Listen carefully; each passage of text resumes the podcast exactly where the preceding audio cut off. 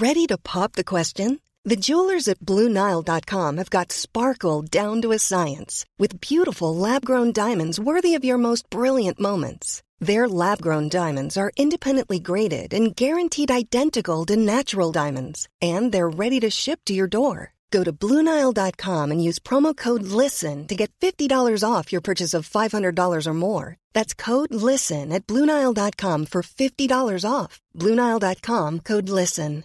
Hi, I'm Daniel, founder of Pretty Litter. Cats and cat owners deserve better than any old fashioned litter. That's why I teamed up with scientists and veterinarians to create Pretty Litter.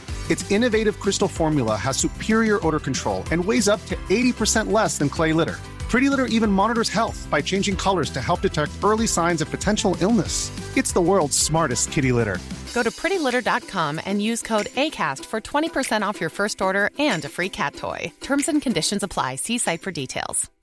Hey, Dave. Yeah, Randy. Since we founded Bombus, we've always said our socks, underwear, and t shirts are super soft. Any new ideas? Maybe sublimely soft. Or disgustingly cozy? Wait, what? I got it. Bombus. Absurdly comfortable essentials for yourself And for those facing homelessness. because one purchased equals one donated. Wow, did we just write an ad? Yes. Bombas. Big comfort for everyone. Go to bombas.com slash ACAST and use code ACAST for 20% off your first purchase.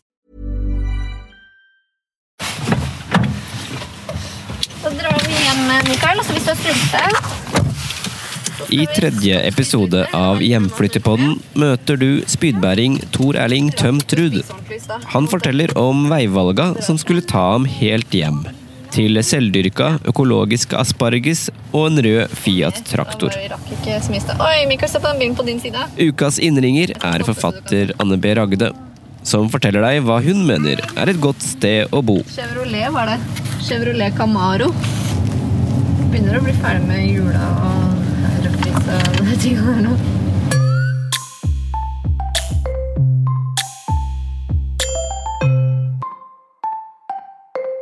Velkommen, Tor Erling Tømt Ruud. Takk for det.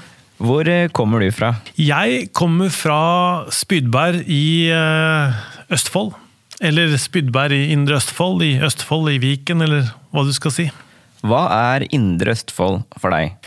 Indre Østfold har egentlig betydd veldig mye for meg eh, opp gjennom eh, hele livet fram til nå. Fordi det er et sted å komme fra. Altså, jeg har alltid sagt at jeg kommer fra Spydberg, og det har vært eh, veldig viktig for meg. Men Indre Østfold er liksom den samlebetegnelsen som, eh, som jeg har vært stolt av hele eh, tida. For at når, når folk har hørt at jeg kommer fra Østfold, så har de trodd at jeg kommer fra Fredrikstad og Halden, eh, den delen der.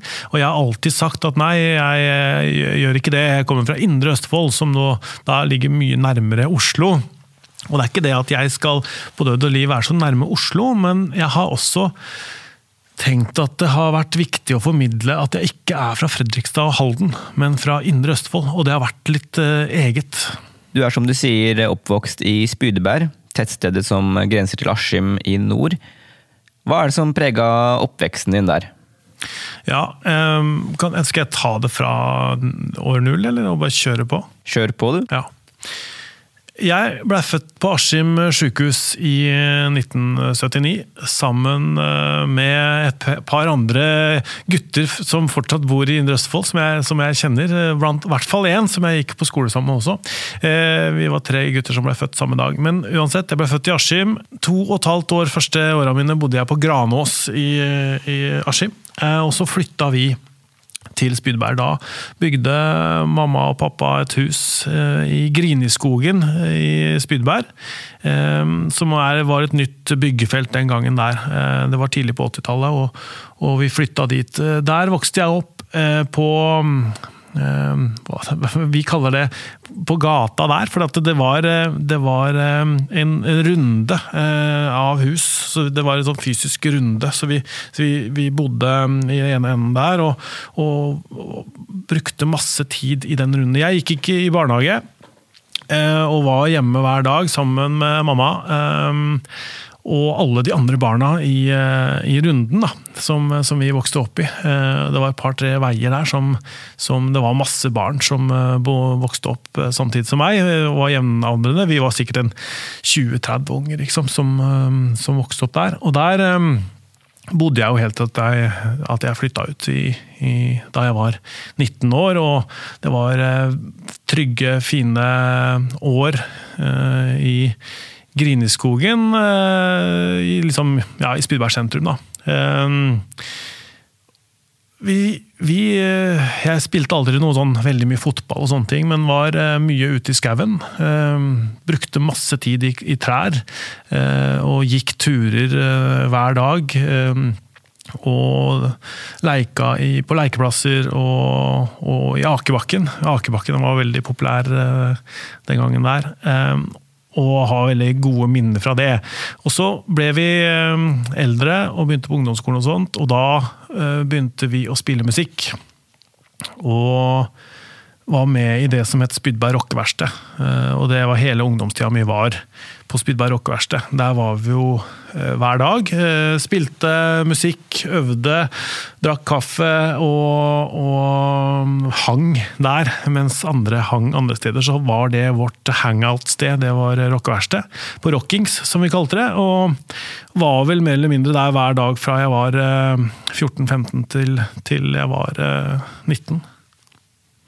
Så det var liksom oppveksten i, i Spydberg, og det jeg husker mest av det, var at vi var en sammenspleisa gjeng med, med, mest gutter da, som, som leika sammen og luska rundt, og vi tok ringestikka. og Vi var eh, litt bøllete, men ikke veldig bøllete, for vi var egentlig ganske snille gutter alle sammen. Ja, og Hvordan var det på skolen?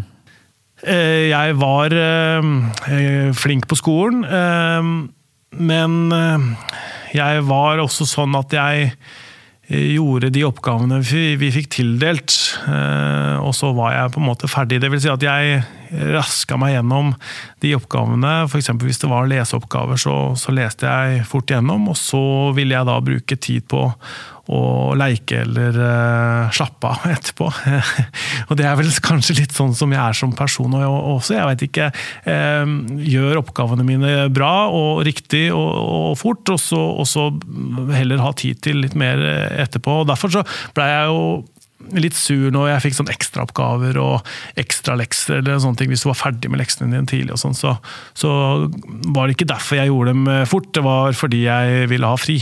Um, men jeg, jeg, var, jeg var pliktoppfyllende og, og, og, flink på skolen, men jeg, jeg, var ikke noe sånn ehm, Jeg fikk, veldig, ja, fikk gode karakterer, men jeg, men pugga liksom siste kvelden og natta. Eh, det var ikke noe sånn som og det sitter ikke.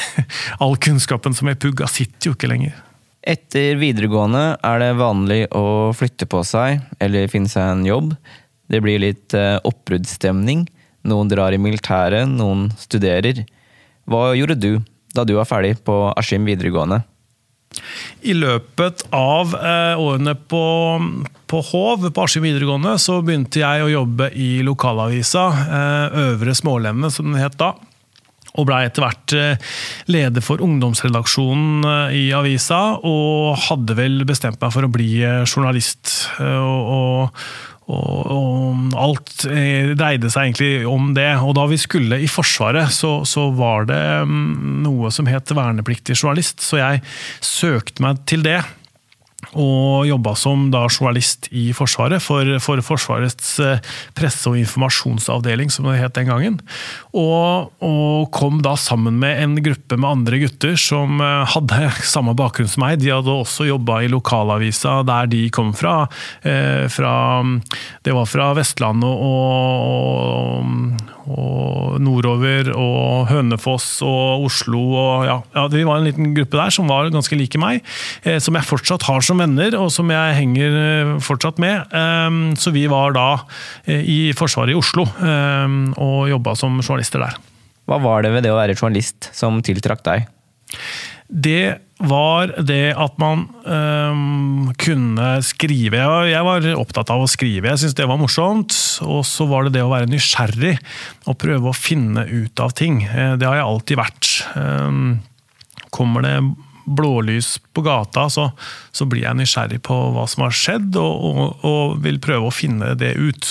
Det fikk man jo da lov til? Som, som ung journalist i, i lokalavisa. Så, så hadde vi jo politiradio. og og hørte jo på den, og når det skjedde ting, så, så rykka vi ut. da. Kjørte ut til, til bilulykker og, og ting, som, ting, som, skjedde i nærområdet her. og og jeg husker at vi var på flere sånne, sånne ting. Ehm, og det var det som trigga meg litt. Det å på en måte få vite ting tidlig og formidle det ut. For det handler jo også om å formidle det ut til, til publikum, hva som har skjedd. Det er et, det er et uh, informasjonsbehov som oppstår når, når, ting skjer og folk ser at det kommer helikopter og politi og osv. Sånn er det alltid vært, og det er i hvert fall sånn nå. Du begynte tidlig å jobbe som journalist i lokalavisa mens du fortsatt gikk på videregående her i Askim. Men eh, du har også fått deg noen studiepoeng. Hva er det du har eh, studert? Jeg var flink på skolen, men jeg hadde ikke gode nok karakterer til å komme inn på journalistutdanning. Eh, for det var skyhøyt den gangen. Sånn at jeg kom inn på noe som het mediekunnskap. Som er på en måte litt en ja, eh, enkel, enkle versjonen av Journalisthøgskolen, på en måte. Så det, det var ett år. Og, da var det, jeg kom inn på det i Kristiansand. Eh, så jeg flytta da til Kristiansand da jeg var 20. Um, og og studerte mediekunnskap der, og jeg syns egentlig det var et ganske kult sted å bo og være. Eh, det var kult å flytte for seg sjøl og på en måte drive helt aleine der, ganske langt unna familien og, sånne ting. Eh, sånn at jeg blei der ett år til. Så jeg studerte to år der, og det siste året så tok jeg utviklingsstudier, som er da på en måte å studere ja, utvikling i, i u-land og sånne ting. Og var på en studiereise i Tanzania eh, som var veldig eh, bra, og som jeg husker veldig godt. Og jeg sang i studentkor og, og hadde det veldig morsomt også i de åra der. Men det var de der også så, så, søkte jeg mot journalistikken. Jeg fikk en, en kveldsjobb eh, på NRK Sørlandet. Eh, hvor jeg var da eh, reporter på radio, og ble også nyhetsoppleser på NRK Sørlandet. Og, og den første eh, bulletengvakta, da, som det heter. Altså lese nyhetene, de lokale nyhetene der. Jeg hadde helt aleine. Det var lørdag 20. mai i 2000. Og da, da leste jeg, altså jeg var helt aleine på jobb, og da leste jeg at to jenter var savna i Baneheia i Kristiansand. Og det var altså da dagen før de ble funnet drept. Du rakk å oppleve litt av hvert på Sørlandet, og du blei der bare i to år. Hvor flytta du etter Kristiansand? I Kristiansand da, så jobba jeg som, eh, som tilkallingsvikar liksom, da, i NRK Sørlandet. Eh, og da søkte jeg på en jobb i NRK eh, P3. Som søkte etter en nett nettjournalist. Og jeg eh, fikk den jobben i NRK P3 og måtte flytte til Trondheim, for det der var kontoret der. Og var nettjournalist eh, der et års tid, før jeg ble radiojournalist der. Og det som skulle på en måte være et halvt års vikariat i Trondheim, blei til fire år. Eh, hvor jeg jobba da som, som reporter og og vaktsjef og programleder i P3. De siste to åra der som programleder for et uh, reportasje- og debattprogram som het P3 Nå. Uh, litt sånn veslevoksent uh, program for unge lyttere, som der jeg følte at vi fikk til ganske mye kule ting og satte nyheter på agendaen ikke sant? og fortalte dem på en måte som, som var litt mer tilpassa et yngre publikum. Eh, og vi spilte jo kul musikk og sånt på P3, og, og var veldig lærerikt. Og vi kunne, vi kunne være kreative og, og, finne på mye rart, egentlig, der. Eh, det var også et, et altså var, Jeg var ung, ikke sant. Jeg fikk fast jobb i NRK da jeg var 22 eh, år, og, og bodde for meg sjøl, liksom, og tjente egne penger og sånt. Så det var, det var en kul eh, tid, altså. Og utrolig bra folk som jobba på P3 den gangen. Og vi blei en eh, kul gjeng. Eh, og der blei jeg i, i, fire år. Og så var det ting som trakk meg til Oslo eh, igjen. Jeg ville tilbake. Jeg ville nærmere familien, det var det ene. Eh, og jeg hadde også på en måte eh, de gode vennene mine fra, fra Indre Østfold og Spydberg som, som, som, bodde i Oslo, de fleste av dem den gangen. og, og det var, ja, det var, mye som trakk meg til Oslo, eh, og da ville jeg studere mer. Jeg tok kriminologi på Universitetet i Oslo. Eh, og fikk studiepermisjon da, fra min faste jobb i NRK og, og, studerte kriminologi. For jeg tenkte at eh, det må jeg ha for å bli en bedre krimjournalist. Fordi det var liksom disse blålysene og det som jeg eh, hadde trigga, som trigga meg mest. Da, den, den type um, journalistikk. Og så flytta jeg til Oslo, uh, flytta inn sammen med noen kompiser. Eh, studerte kriminologi, eh, samtidig som jeg da jobba veldig masse på Marienlyst i NRK. Eh, ble tilkallingsvikar der og fylte opp, liksom. Når jeg ikke var på skolen, så var jeg der, og etter hvert så blei det jo mye mer jobb enn skole igjen. Men jeg kara meg jo faktisk til en bachelorgrad da, i, i kriminologi, og leverte en oppgave der som jeg ikke fikk så veldig god karakter på, men jeg, jeg jobba jo ved siden av, så da klarte jeg meg fint. Når du møtte folk i Kristiansand, Trondheim og Oslo, og de lurte på hvor du kom fra, og lurte på hva slags sted Spydberg og Indre Østfold eh, er, hva, hva sa du da? Hvordan beskrev du hjemplassen din? Eh, jeg har alltid vært eh, ganske stolt av å være bygdegutt. Eh, og, og sånn var det jo, ikke sant. Når du møtte folk i, både Kristiansand og Trondheim, og i hvert fall i Oslo, så møter du folk som kommer fra bygda. Fordi de drar til store byer for å gå på skole og jobbe. Sånn at man, Jeg møtte masse andre bygdefolk også, som, som kjenner det. Og så og så Spydberg var jo ikke noe særlig kjent heller.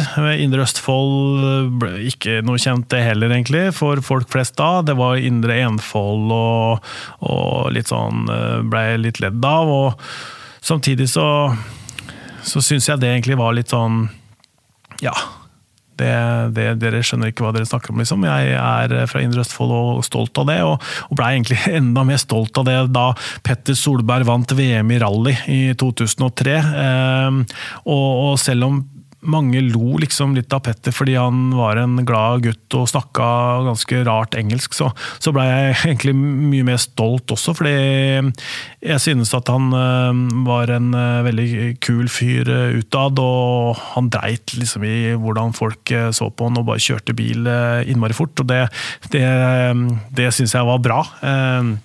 Jeg husker at jeg sang, jeg sang Spydberg-sangen på riksdekkende radio da i 2003, da Petter Solberg eh, vant, og syntes at det var veldig stas. Eh, også i Oslo også er det jo sånn at eh, er et Det er jo ingen som kommer fra Oslo, omtrent. Det er jo bare folk fra bygda som, som drar dit for å jobbe eller studere. Så der treffer du egentlig masse bygdefolk, og, og den bygdementaliteten er i Norge er sterk, da. Um, og folk kommer fra små steder, og, og det liksom å komme fra en, eh, et sted hvor det er mye bondegårder og sånne ting, det, det, er ikke så veldig uvant for folk. Mange kjenner deg i dag som journalist i VG og fra Krimpodden. Hvorfor søkte du deg til VG? Det igjen var jo den, eh, den tanken om at jeg skulle jobbe som krimjournalist. Eh, så etter da tolv Nei, etter da i etter da åtte år i NRK, med denne mm, studiepausen også inni der, så, så, så, søkte jeg jobb i VG, som jeg mente og mener er den beste norske avisa, og som hadde den beste krimredaksjonen den gangen også. Ehm, så fikk jeg den jobben i 2008, begynte der, og har vært der siden. Nå er jo det tolv år siden. Og vel så det. Så da har jeg eh, jobba som krimjournalist i VG. Eh, har også vært eh, nyhetssjef eh, og, og, klubbleder, som er, en, eh, som er en, eh, et verv som i VG er 100% jobb. for å være fagforeningsleder for de ansatte journalistene i VG. det har jeg vært i, i fire år. og så nå jobber jeg fast med, med podkast og har laget også tidligere et par true crime-serier da, eh, på podkast i VG. Eh, og det er på en måte, Nå er jeg tilbake igjen til 100% krim, og, og, trives veldig veldig godt med det. Eh, det er noe med å gå inn i saker på en måte å prøve å forstå hva er det som egentlig skjer. Hvorfor er det sånn at noen mener at noen bevis har, har F.eks. I, i straffesaker, hvorfor er det Noen mener at noen bevis har mye verdi, mens andre igjen slår dem bare vekk og mener at det ikke har noe verdi. Og hvordan er det politiet jobber? Hvordan kommer avhør i stand? Hva er det som skjer når politiet gjør undersøkelser, og hva, hvor, hva, hva gjør en forsvarsadvokat osv.? Samtidig som den nysgjerrigheten er der. da, når, når, når noen ting har skjedd, så må man prøve å finne ut hva det er som har skjedd. Hvem er det som kjenner noen? Hvem er det som har sett noe? Hvem var disse personene som var involvert i det som skjer? Så det har på en måte hele tiden trigga meg, og nå er vi tilbake igjen der, og vi kan fortelle, igjen, fortelle disse historiene på podkast, som jo er blitt veldig populært. Mange krimsaker er jo veldig sammensatte og kompliserte. Hvordan er det du forteller en krimsak best mulig? Det er jo å prøve å finne en tidslinje og, og peke ut hva, hva, er det vi kan dokumentere har skjedd. ikke sant? Og finne disse vitnene, finne disse folkene som har sett noe, eller dokumentene, eller sånne ting. Og så fortelle det på en, på en måte som gjør at du klarer å følge med. For Det er det som er hele poenget her. For Det er så komplisert, som du sier, og det er mye ting som skjer, og, og forskjellige datoer og folk og tidspunkter osv. Men å prøve å finne en rød tråd og fortelle det som en fortelling. Eh, sånn som du ville fortalt det til en kompis når du sitter og spiser lunsj, eller tar en øl, eller, eller griller pølser rundt et bål.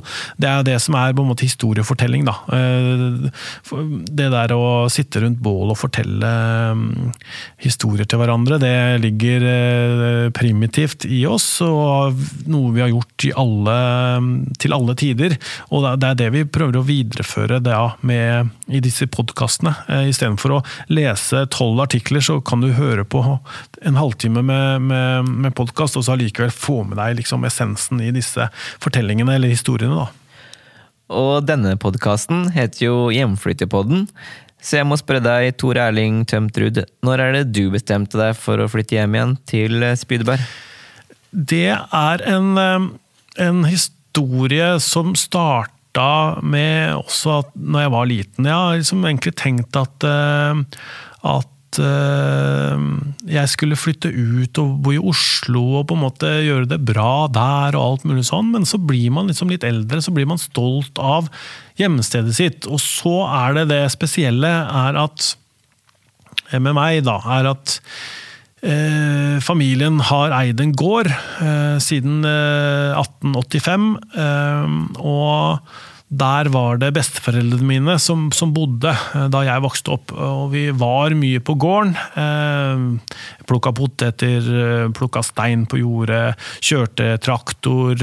Jeg var, når jeg var helt, helt liten, så har jeg et minne om at det var dyr der. Da var okser i, i fjøset. de ble borte etter hvert, men, men liksom mye av oppveksten var også på gården. Den ligger veldig fint til eh, ved Lyseren. Eh, og det er eh, Vi har hatt mye bra minner derfra. Eh, men jeg ble aldri eh, på en måte oppdratt til å bli bonde. Eh, Eh, mora og faren min var veldig kule på det. At ja, vi hjalp til, og, vi selvfølgelig måtte være med når det skjedde ting på gården. Og, og kløyve ved og bære ved og øh, gjøre alt mulig rart med ved. Eh, det har vi gjort veldig mye, og sånne ting. Men, men, jeg fikk aldri noe press på meg til å ta over eh, som eldstemann, liksom odelsgutt og alt det der. Fordi øh, faren min tok jo over. Jeg tror nok han følte på en mye mer sånn plikt eh, til å ta over gården, og ikke la den gå ut av familien. Mens han igjen har aldri utøvd noe sånt press på oss, og det er jeg veldig glad for. Han har vært veldig kul på det. At det er noe som jeg eh, eh, eller broren min, da, måtte finne ut av sjøl. Og lenge så, så, hadde jeg egentlig ikke noen tanker om at, at jeg skulle ta over i det hele tatt. Og så begynner det å skje noe. ikke sant? Man blir eldre, man tenker at søren, dette stedet her er jo også flott. Det er jo fint å bo her, kanskje, men har jeg lyst til å bo her aleine? Altså, jeg har vært eh, singel og, og, på en måte jobba mye og, og drevet på med mitt, ikke sant? Og er, er, det, er det noe sted å, å være aleine?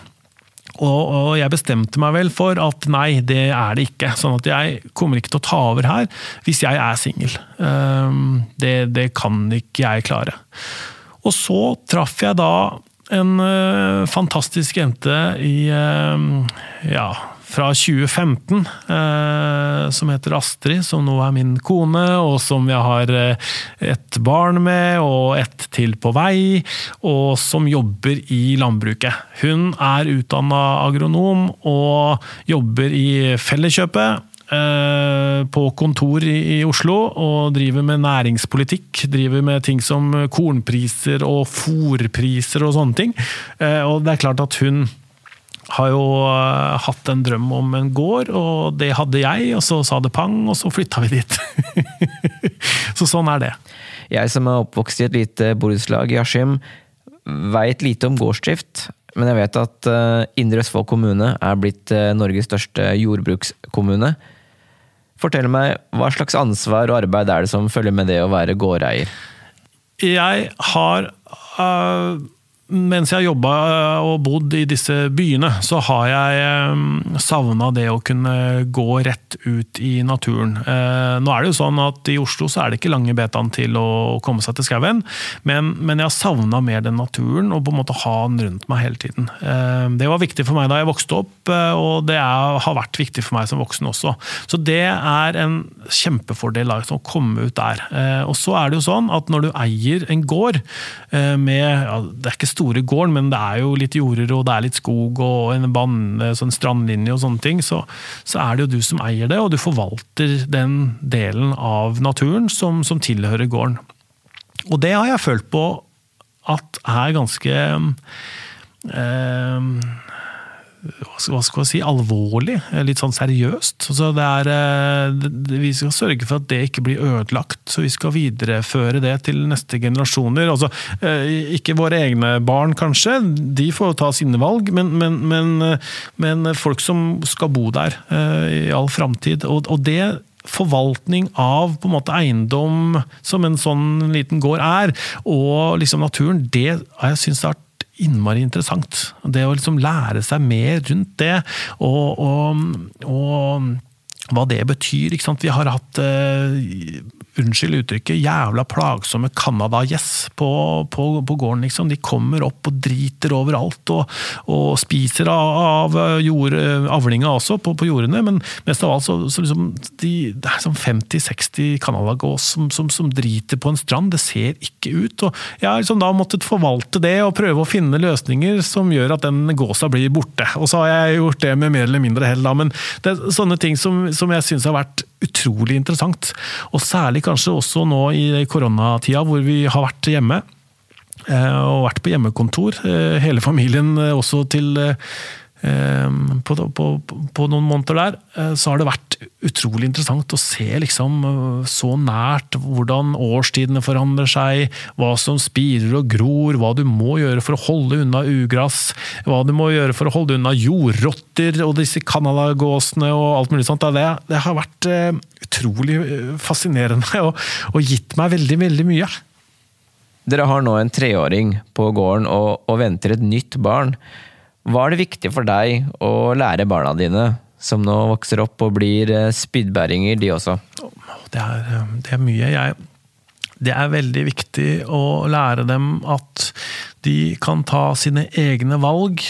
Um, de trenger ikke bli la seg presse eller på en måte sånne ting. De, de, må, de må ta sine egne valg, og for å kunne gjøre det, så må vi på en måte gi dem Ehm, robustheten, kanskje liksom eh, det i selvinnsikten nok til å på en måte klare det. Eh, jeg er opptatt av at de skal være tolerante til alle mennesker. Ehm, det, det er veldig viktig å ikke på en måte godta alt det mennesket gjør, men å sette seg inn i eh, andre menneskers situasjoner, tror jeg er uh, veldig veldig viktig. Altså, få en god empati med, folk. Det å, å, i hvert fall lytte til folk, uh, og høre dem ut. Uh, og da mene etterpå at ja, dere tar feil, da får vi heller argumentere imot.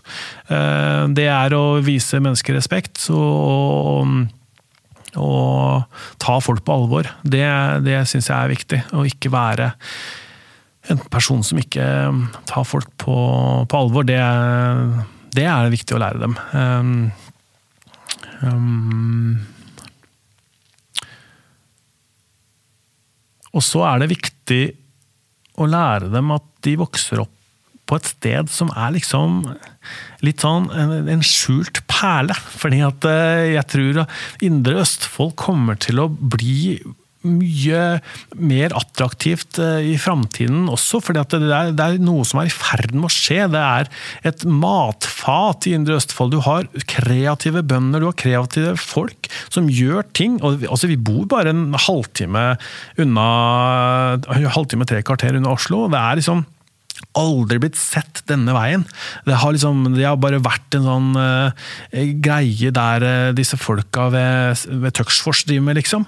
Men, men, nå skjer det så mye. Det er liksom um, ølbryggerier, det er matlaging, folk driver med sånn utrydda smålensgås, liksom, for å få den bestanden opp, og, og selger det. Og, og liksom eh, økolog, Økologisk jordbruk har jo blitt veldig populært i, i Indre Østfold, og mange som driver med det. er eh, Kjempekult at vi har blitt Norges største jordbrukskommune. Nå er jo ikke dette her noe jeg kommer til å lære barna mine, men de kommer til å vokse opp i dette. At vi kommer til å være mer attraktive, tror jeg, for, for liksom hovedstadsregionen. Eh, og, og, det skjer så mye kult, da. Eh, jeg tror at folk Eller jeg tror at samfunnet våre før var liksom ja, dette var Askim, da bryr vi oss bare om Askim. Eh, og dette er Spydberg, da bryr vi oss bare om det, og Mysen osv. Nå må vi se dette i en helhet. Vi må se dette i et blikk som kanskje kommer fra eh, hovedstaden, da, eller kanskje fra Sverige. Altså se liksom, hva, slags, hva er det med regionen vår som på en måte er bra? Og, og der begynner vi nå å, å få til gode ting, eh, syns jeg. da. I hvert fall så har jeg inntrykk av det. da. Jeg møter stadig eh, folk som har masse ideer, og som som gjør så mye kule ting. Øh, og Det er liksom fran, det er liksom fransk kafé i Trømborg. Hvem er det som visste det? Og det er liksom en eller annen italiener i Trøgstad som lager dritgode pølser. Eh, så det er, det er masse, masse, kult å, å, få ut av dette. Så det er, liksom, det er den jordbruksgreia eh, som jeg syns er mest fascinerende med Indre Østfold nå. Eh, og det er det, det er det jeg gleder meg mest til å fortsette med også.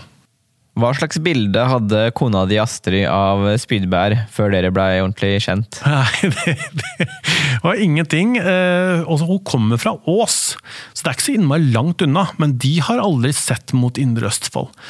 De, de, har knapt vært i Askim eller Mysen, eller i hvert fall ikke i Spydbær. Eh, så hun visste veldig lite. Eh, vi, vi har, altså, hun jobba sammen med en kompis av meg, som, som, det var han som introduserte oss. men, men og, han visste, hun visste om Spudberg gjennom han litt, eh, eller så var det fint lite. Eh, det sier også, Hun kommer da fra, fra nærmeste mm, region, altså Nordre Follo og Follo, som er eh, som vi på en måte drar til. Vi drar til Ski, vi kjenner til Ås, vi kjenner til Ski, til disse stedene. Men, men de, de brøy seg ikke noe om Indre Østfold i det hele tatt. Men jeg tror hun trives nå. Hva er det vanskeligste med å bo på en gård? Det, nei, det vanskeligste med å bo på en gård og jobbe 100 ved siden av med noe annet, er at du kanskje ikke får tid til alt du vil gjøre. Eh, du må du må, sånn som vi da, som driver eh, et prøveprosjekt med asparges, altså økologisk asparges, det høres jo innmari fint ut, men det det betyr er at i hele juli og, og sånn, så vokser det innmari masse ugress på jordet. Og det må vi ut og fjerne. Eh, og da kan vi ikke bruke eh, giftmidler og sånne ting for å fjerne det, det må gjøres for hånd. Og vi har brukt masse timer på det. Og det gir jo masse. Det er, det er dritdigg å være ute, det er kult å jobbe med kroppen og se at det blir bra og sånne ting men det er klart at, at når det vokser mye, sånn som i år, da, hvor det har regna masse, da vokser ugraset masse. Og da mm, er det, det er det vanskeligste. Jeg syns ikke så veldig mye annet er noe vanskelig. Det har vært mye lettere enn det jeg trodde. Og, og liksom mange som spør ja, savner du ikke byen og liksom alt sånn. Nei, jeg har jo egentlig alt her. Altså, jeg har kino i Askim, jeg har kino i Ski. Jeg, jeg, jeg har kjøpesentrene, og jeg er jo i Oslo hver dag fordi jeg jobber der, liksom. Sånn at det er ikke noe problem. Eneste jeg, eneste jeg savner liksom, fra det livet på Torshov, hvor jeg hadde en, en innmari kul pub da, rett altså 20 meter fra inngangsdøra mi. Det har jeg ikke lenger, men eh, jeg har jo fine steder å ta et glass vin på hjemme også. Du slår meg jo som en veldig aktiv type, med mye overskudd. Du driver denne gården din, og du spiller i band, og du jobber som journalist på fulltid. Men er det noe du skulle ønske at du visste mer om? Ja, det syns jeg det er mye av. Eh, jeg kan ikke jordbruk og alt det der så veldig mye. Men jeg lærer eh, litt av litt av litt, og jeg bruker gode kompiser til å, til å få naboer og sånn til, til, å hjelpe meg. Men, men, eh, ja, jeg skulle gjerne kunnet masse, jeg. Men jeg, jeg, tror liksom livet er sånn at du kan ikke kunne alt. Du kan liksom ikke rekke overalt heller, så du må ta noen prioriteringer. Um, og så får jeg sånne dilla på ting. da jeg gitar og sånt har jeg hatt hele livet. Jeg er, ikke, jeg er, ikke, veldig veldig god til å spille gitar, men jeg er en habil gitarist. Liksom. Men så får jeg sånne hangups. da, At nå må jeg lære meg den låta, eller uh, nå må jeg kunne liksom, det og det og det. Og da øver jeg på det helt til det sitter. Og så, og så uh, legger jeg gitaren bort i en periode. Da kan det gå flere måneder uten at jeg spiller. og Sånn er det med andre ting også. Jeg kan bli veldig fascinert av å ta bilder. Jeg kan bli fascinert av å tegne. I sommer så tok jeg opp liksom tegning som jeg ikke har drevet med siden ungdomsskolen. Um, og, og, og, det er så masse sånne, sånne kule ting. Da, for eksempel, og det å eh, bli god til å lage mat. Da, da, åpner du en dør som er helt uendelig. Og du kan jo ikke bli verdensmester i å lage mat, men du må kanskje velge deg ut noe. Da, At eh, Jeg er god til å lage spagetti bolognese, det kan jeg godt. liksom. Og da gjør jeg det ofte. Og det er innmari godt. Um, sånn at jeg, jeg tror ja, jeg får sånne hangups, og jeg skulle ønske jeg kunne lese mer. Jeg skulle ønske jeg kunne bo mer ute i telt eller i åpen himmel. Jeg skulle ønske jeg kunne fiska, men du må bare ta de prioriteringene. Og så må du på en måte roe deg litt med det. da. Eh, at eh, jeg får ikke tid og mulighet til alt. Men av og til så får man det, og jeg gleder meg til, som til gutta mine blir, eh, blir, enda større og kan være med på disse fisketurene eller bål, bål, tenne bål i skogen. Eh, og sove ute og sånne ting. Så, så jeg, det, det blir rom til mer. Nå har du overtatt en gammel familiegård ved Lyseren. Eh, ville du flytta tilbake til Spydberg, tror du, hvis ikke det var for denne gården? Nei, det, det, det tror jeg ikke, eh, for å være helt ærlig. Hvis man skal se på at jeg ble sammen med Astrid, da, så, så tror jeg nok hun eh, heller kanskje ville ha flytta til Ås, eller området rundt der. Eh, sånn at det er nok, det er nok gården som, som gjorde det eh, for meg i, i Spydberg, altså. Eh, det er noe med, og det har jeg tenkt masse på etter at jeg flytta hjem, og det har blitt viktigere for meg enn det jeg trodde. Det at liksom en gård har vært i en familie siden 1885, det er liksom Det er lenge, det er snart 150 år. Og jeg er femte generasjon på den gården, og, og mine barn da på en måte er jo da etterkommer av sin tipptippoldefar, som, som kjøpte den eh, en gang i tida. liksom. Så det, det, har blitt veldig viktig for meg. Jeg, så en, jeg ser en eh, utrolig kul serie på, på TV2 som heter Yellowstone, som handler om ranch-eiere i USA, altså cowboyer i Montana. Og de snakka om den gården som de hadde, den ranchen liksom var så viktig. Den hadde vært i familien i 130 år, og det er mindre enn det gården min har vært i min familie. Sånn at De var så stolte av det, og da syns jeg at det er kult at vi også kan være ganske stolte av det. Um, og Det har betydd mer, mer, for meg enn det jeg egentlig ante. Kan du si noe mer om når det gikk opp for deg, det her med betydningen av kontinuitet og familiearv og tradisjon? Når er det de verdiene blei så sentrale for deg? Ja, jeg har tenkt mye på det også. Det er jo sånn at, at øh, man angrer på at man ikke øh, stilte flere spørsmål og gravde mer mens øh, besteforeldre levde. Og de har jo selvfølgelig fortalt meg masse sant, opp gjennom oppveksten og sånne ting, men som barn og som ungdom så hører du kanskje ikke så godt etter, og, og, og, og tida bare flyr, liksom. Sånn at um, da farfar uh, døde, så, så er det klart at det blei viktig å finne ut av ting. og Jeg leser disse bygdebøkene som har blitt skrevet i Spydberg, som er utrolig bra. Eh, og jeg, jeg har invitert eh, de gjenlevende folka mine i familien eh, også. Nå er, nå er, det ikke mange igjen ikke sant? Og, til å komme på gården og fortelle. Jeg, ja. Det er jo et vendepunkt, ikke sant? når du ser at at folk blir borte, og at den, den generasjonen nå er, er, i ferd med å dø helt ut. Og Da blir det viktig igjen da, for å ta opp litt den tråden av det, av, av det gamle. Og jeg eh, er litt stolt av at liksom, vi har fått til å, å, dyrke grønnsaker på gården nå, som, som, ikke har blitt gjort der siden farfar drev den.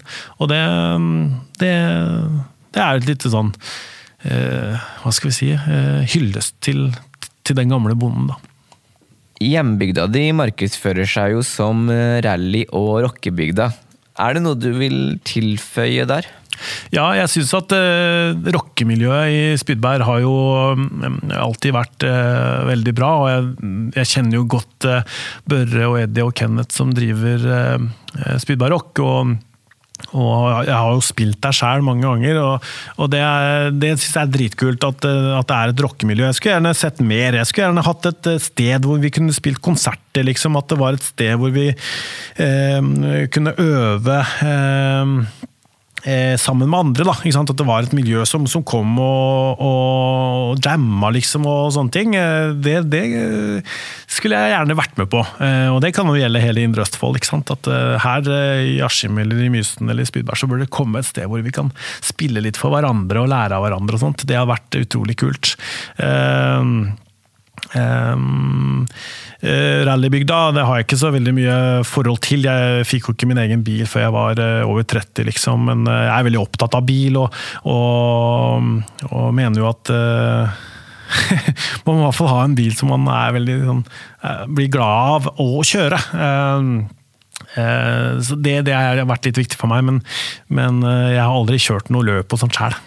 Hvis du kunne reist tilbake i tid og gitt den 14 eh, år gamle spydbergen Tor Erling et råd, hva skulle det vært?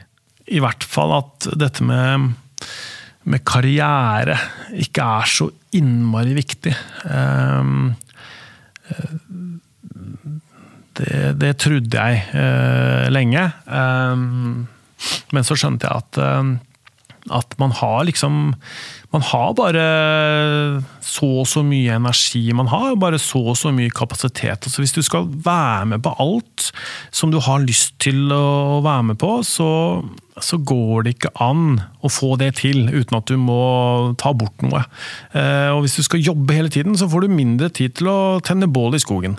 Og hvis du skal tenne bål i skogen hele tiden, så, så får du ikke jobba, og får du ikke jobba, så får du heller ikke tjent noe penger til å gjøre de andre tingene du har lyst på. Så du må finne den der gylne middelveien der. da. Jeg, jeg, jeg syns iallfall at jeg er på et sted nå hvor hvor jeg eh, jobber med noe som jeg liker, og har Eh, mye tid til å være sammen med familien min, og til å gjøre andre ting som jeg syns er, eh, er, viktig. Eh, men det er klart at å forklare en 14-åring det, det, det, kan være vanskelig. Men det er iallfall sånn slapp av. Du trenger ikke liksom du trenger ikke bli verdensmester i alt, liksom. Det går bra. Stol på deg sjøl, og stol på de tinga du du vil gjøre. Eh, brenn litt for, eh, for noe. Det, da, da, kommer du langt. Hva er et godt sted å bo? Et godt sted å bo er et sted hvor Hvor det er um, høyt under taket. Um, litt sånn metaforsk sagt, da, ikke sant. Hvor det er åpne dører, hvor folk kan komme og gå. Hvor eh, det alltid er plass til eh, noen. Hvor det er eh, alltid en ekstra tallerken med mat hvis du Hvis, du, hvis det kommer noen. Jeg prøver å leve litt etter litt sånn som de besteforeldra mine eh, levde. Og da jeg var der da jeg var liten, så var det alltid en del folk som kom innom, og, og de hadde alltid tid, å, alltid tid til å sette seg ned. De hadde ofte noe Ja, på sommeren så var det alltid jordbær og, og fløte til folk som kom. Da satte man seg ned, tok fram noen stoler og noen tallerkener og sette seg ned og ta en kaffe. Det, det er et fint sted å bo. Um, hvor det er um, mye latter og, og, og, glede og sånne ting. Um, hvor det er litt sånn sosialt, da. Um, det er det jeg tenker, og det er det vi prøver å få til. Uh, og så er det sånn da, Når du bor åtte kilometer unna, unna, sentrum, så er det ikke sånn at folk bare går og kommer forbi. Men uh, vi prøver å være flinke til å besøke folk, og så får uh, folk prøve å være flinke til å besøke oss. Tor Erling Tømt Ruud, tusen takk for praten. Bare hyggelig.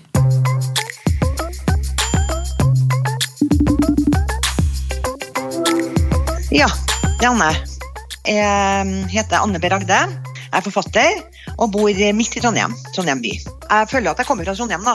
Men jeg må bare få flytte meg. Så Hun her skjønner som vi kaller en telefonkløe. Hun begynner å klø seg bare telefonen ringer. Eh, mora mi er fra København, og faren min er fra Hardanger. Og så har jeg havna i Trondheim da jeg var tre år. Og jeg føler at jeg kommer fra Trondheim, da. Selv om jeg ikke er trønder i blodet, så er jeg det i hodet og hjertet, altså. Uh, selv om jeg har et veldig nært forhold til Hardanger og København også, selvfølgelig. Men jeg er helt trønder. At det å være seg sjøl, det er det viktigste av alt. Det er, noe, det er ikke så mye klasseforskjeller i Trondheim. Det er kanskje litt sånn utapå, sånn, men, men, alle hilser på alle og omgås alle på samme måten. Uh, jeg husker jeg til når jeg var i Oslo, sånn, så var jeg så forundra over over at det var liksom sånn, noen sånn, sånn høy på pæra. Og, jeg, det, vi opplever ikke sånn oppi her. Det er ikke noe som er høy på pæra i Trondheim. Og det er så deilig. Det er så nydelig. For det er, grunn, det er ingen, det er ingen grunn til å være høy på pæra. Enten du tjener mye eller uh, whatever, så har du ingen grunn til å være høy på pæra. Et godt sted å bo er der du har venner. Gjerne litt familie. Du må bo bra, sånn at du trives der du bor, for det er mest hverdager. Um, været spiller ikke så mye rolle. Men øh, du må ha muligheter til å gjøre ting som du liker. Enten å gå i naturen eller å gå på biblioteket eller på utstillinga. Eller at det er, tilbudene er der. Da Da er det et godt sted å bo. Da har du det godt med deg sjøl når du legger deg om kvelden og godt med deg sjøl når du våkner om morgenen.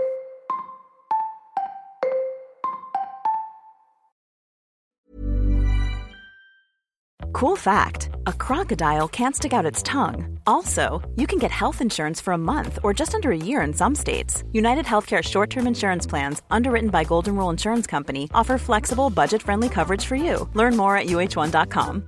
Imagine the softest sheets you've ever felt. Now imagine them getting even softer over time. That's what you'll feel with Bowl and Branch's organic cotton sheets. In a recent customer survey, 96% replied that Bowl and Branch sheets get softer with every wash. Start getting your best night's sleep in these sheets that get softer and softer for years to come. Try their sheets with a 30-night guarantee. Plus, get 15% off your first order at bowlandbranch.com. Code BUTTERY. Exclusions apply. See site for details. Planning for your next trip? Elevate your travel style with Quince. Quince has all the jet-setting essentials you'll want for your next getaway, like European linen, premium luggage options, buttery soft Italian leather bags, and so much more. And is all priced at 50 to 80% less than similar brands.